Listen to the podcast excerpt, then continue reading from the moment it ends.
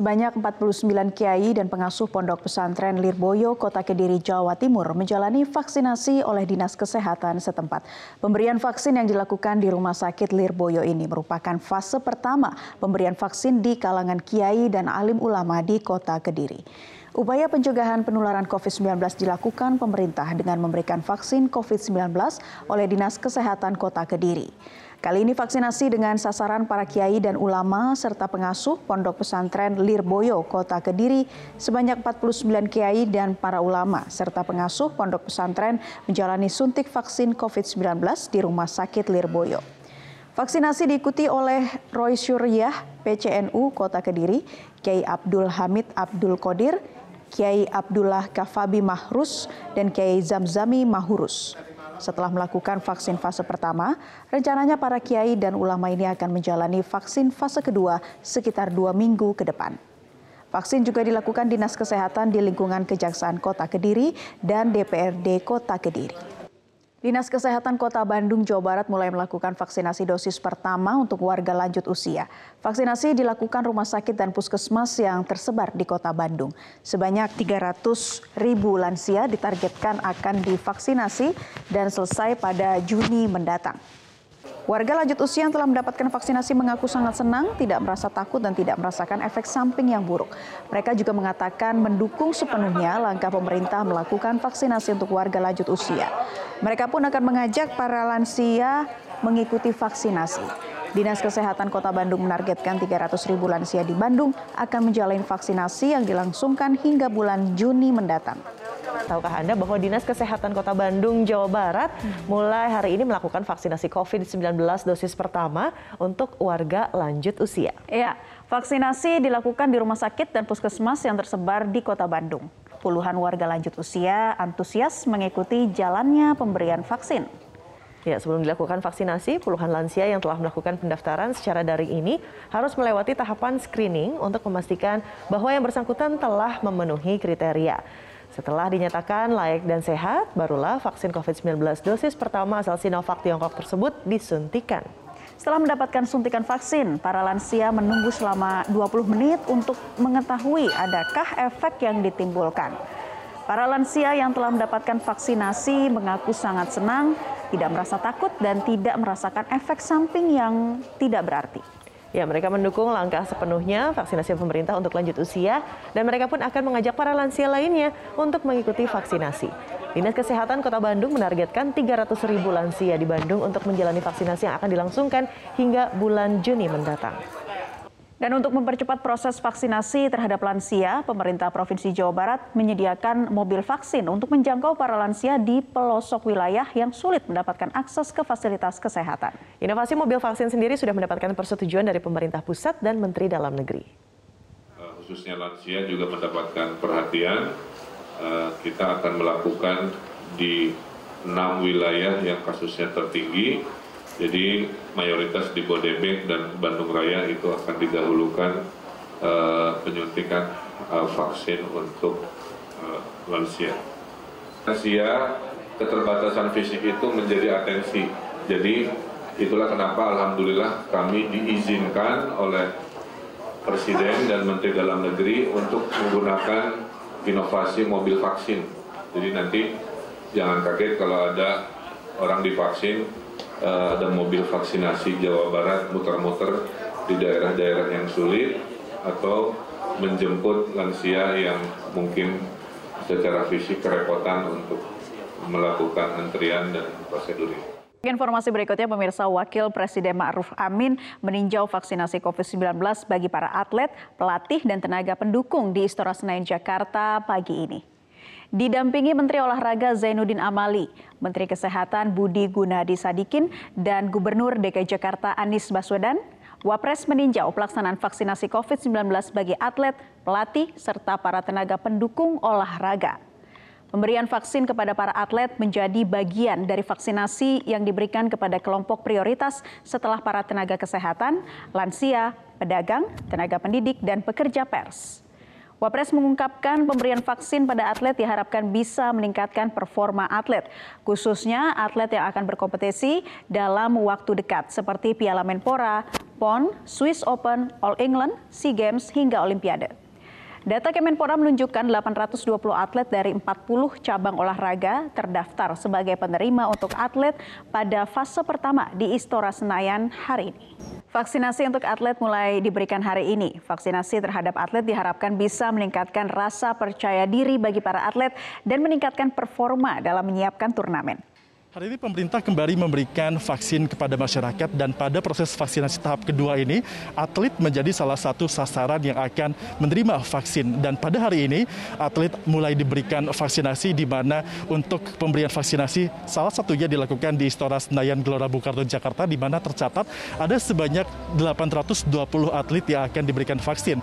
Data 820 atlet yang akan diberikan vaksin ini adalah atlet yang akan berlaga dalam waktu dekat di sebuah kompetisi baik itu kompetisi nasional ataupun kompetisi berskala internasional.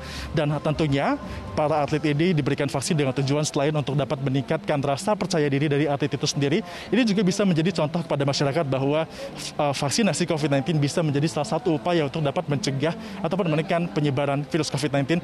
Nah, setelah para atlet divaksinasi, tentunya mereka harus diobservasi terlebih dahulu selama 30 menit untuk melihat apakah akan ada efek.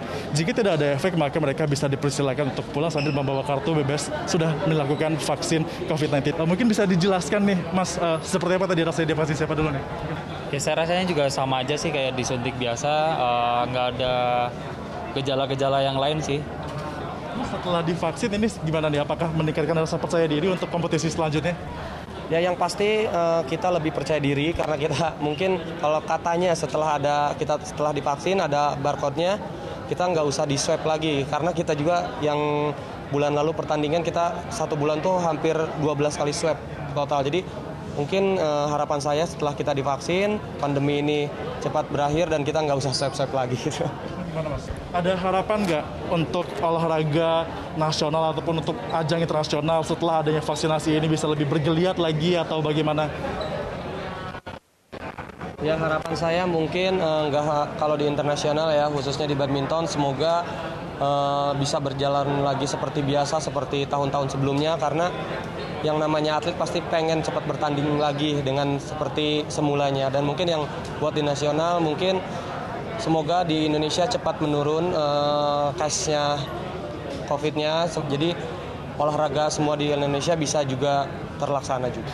Permukiman warga di Kebon Pala, Kampung Melayu, Jatinegara, Jakarta Timur pada Jumat siang terendam banjir hingga ketinggian 1 meter lebih.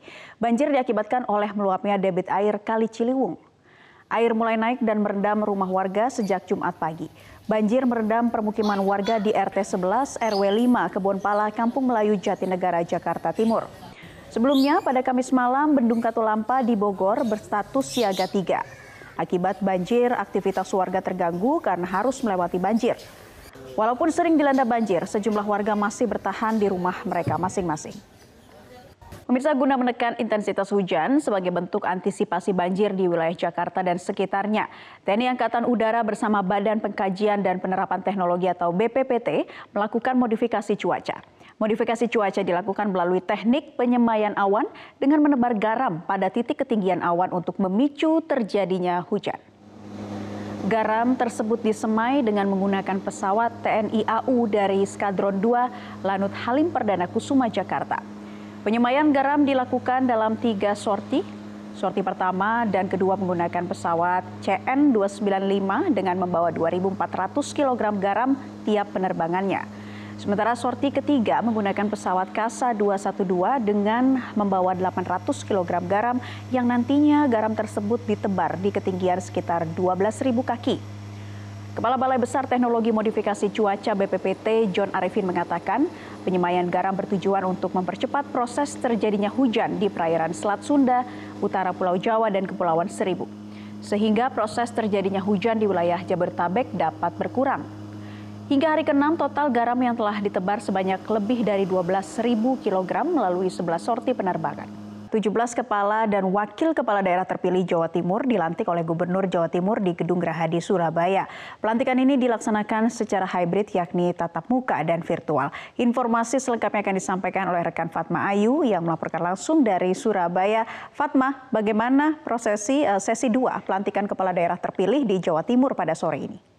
Ya, Naila, untuk sesi 2 ini dimulai pada pukul 13 waktu Indonesia Barat hingga pukul 15 waktu Indonesia Barat. Dan ada enam kepala daerah dan juga wakil kepala daerah terpilih yang dilantik yakni uh, Kabupaten Blitar, Kota Blitar, Kota Pasuruan, Kabupaten Jember, Kabupaten Malang, dan juga Kabupaten Mojokerto. Tadi memang ada sedikit uh, uh, molor, yakni pada pukul 13.30 waktu Indonesia Barat uh, acara pelantikan dan juga sumpah jabatan baru dimulai, namun uh, selesai tepat waktu dan saat ini kegiatan yang sedang berlangsung adalah uh, foto bersama dan uh, menunggu awak media menunggu untuk mewawancarai kepala daerah yang terpilih. Tadi pada sesi pertama juga sudah dilaksanakan yakni pada pukul 9 waktu Indonesia Barat yakni seperti Kabupaten Banyuwangi, Trenggalek, Ponorogo, Situbondo, Sumeneb, dan Ngawi. Dan nantinya ada sesi ketiga yang dimulai pada pukul 16 waktu Indonesia Barat hingga pada pukul 18 waktu Indonesia Barat. Jadi total yang akan dilantik pada uh, pelantikan hari ini yakni 17 kepala daerah dan juga wakil kepala daerah. Uh, sebenarnya Jawa Timur sendiri ada pemilihan kepala daerah yakni 19 daerah kabupaten maupun kota. Namun untuk Kabupaten Tuban dan juga Pacitan ini menyusul dilantik pada bulan April dan Juni tahun 2021. Untuk pelantikan dan juga sumpah jabatan sendiri ini dilakukan secara hybrid yakni secara uh, tatap muka dan melalui virtual.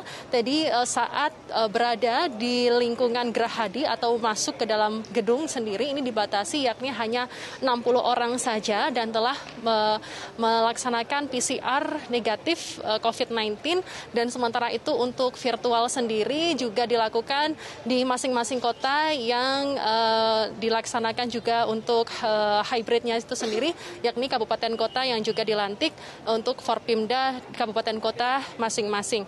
Dan sementara itu protokol kesehatan sangat diperhatikan dan dijalankan oleh pemerintah Provinsi Jawa Timur. Ini dibuktikan dengan uh, tadi uh, kepala daerah juga melakukan tes PCR sebelumnya, yakni ne tes negatif eh, COVID-19. Sementara itu yang yang datang atau yang mengikuti uh, kegiatan dari pelantikan itu sendiri atau pesertanya pun juga uh, dipastikan sudah melewati negatif dari PCR COVID-19.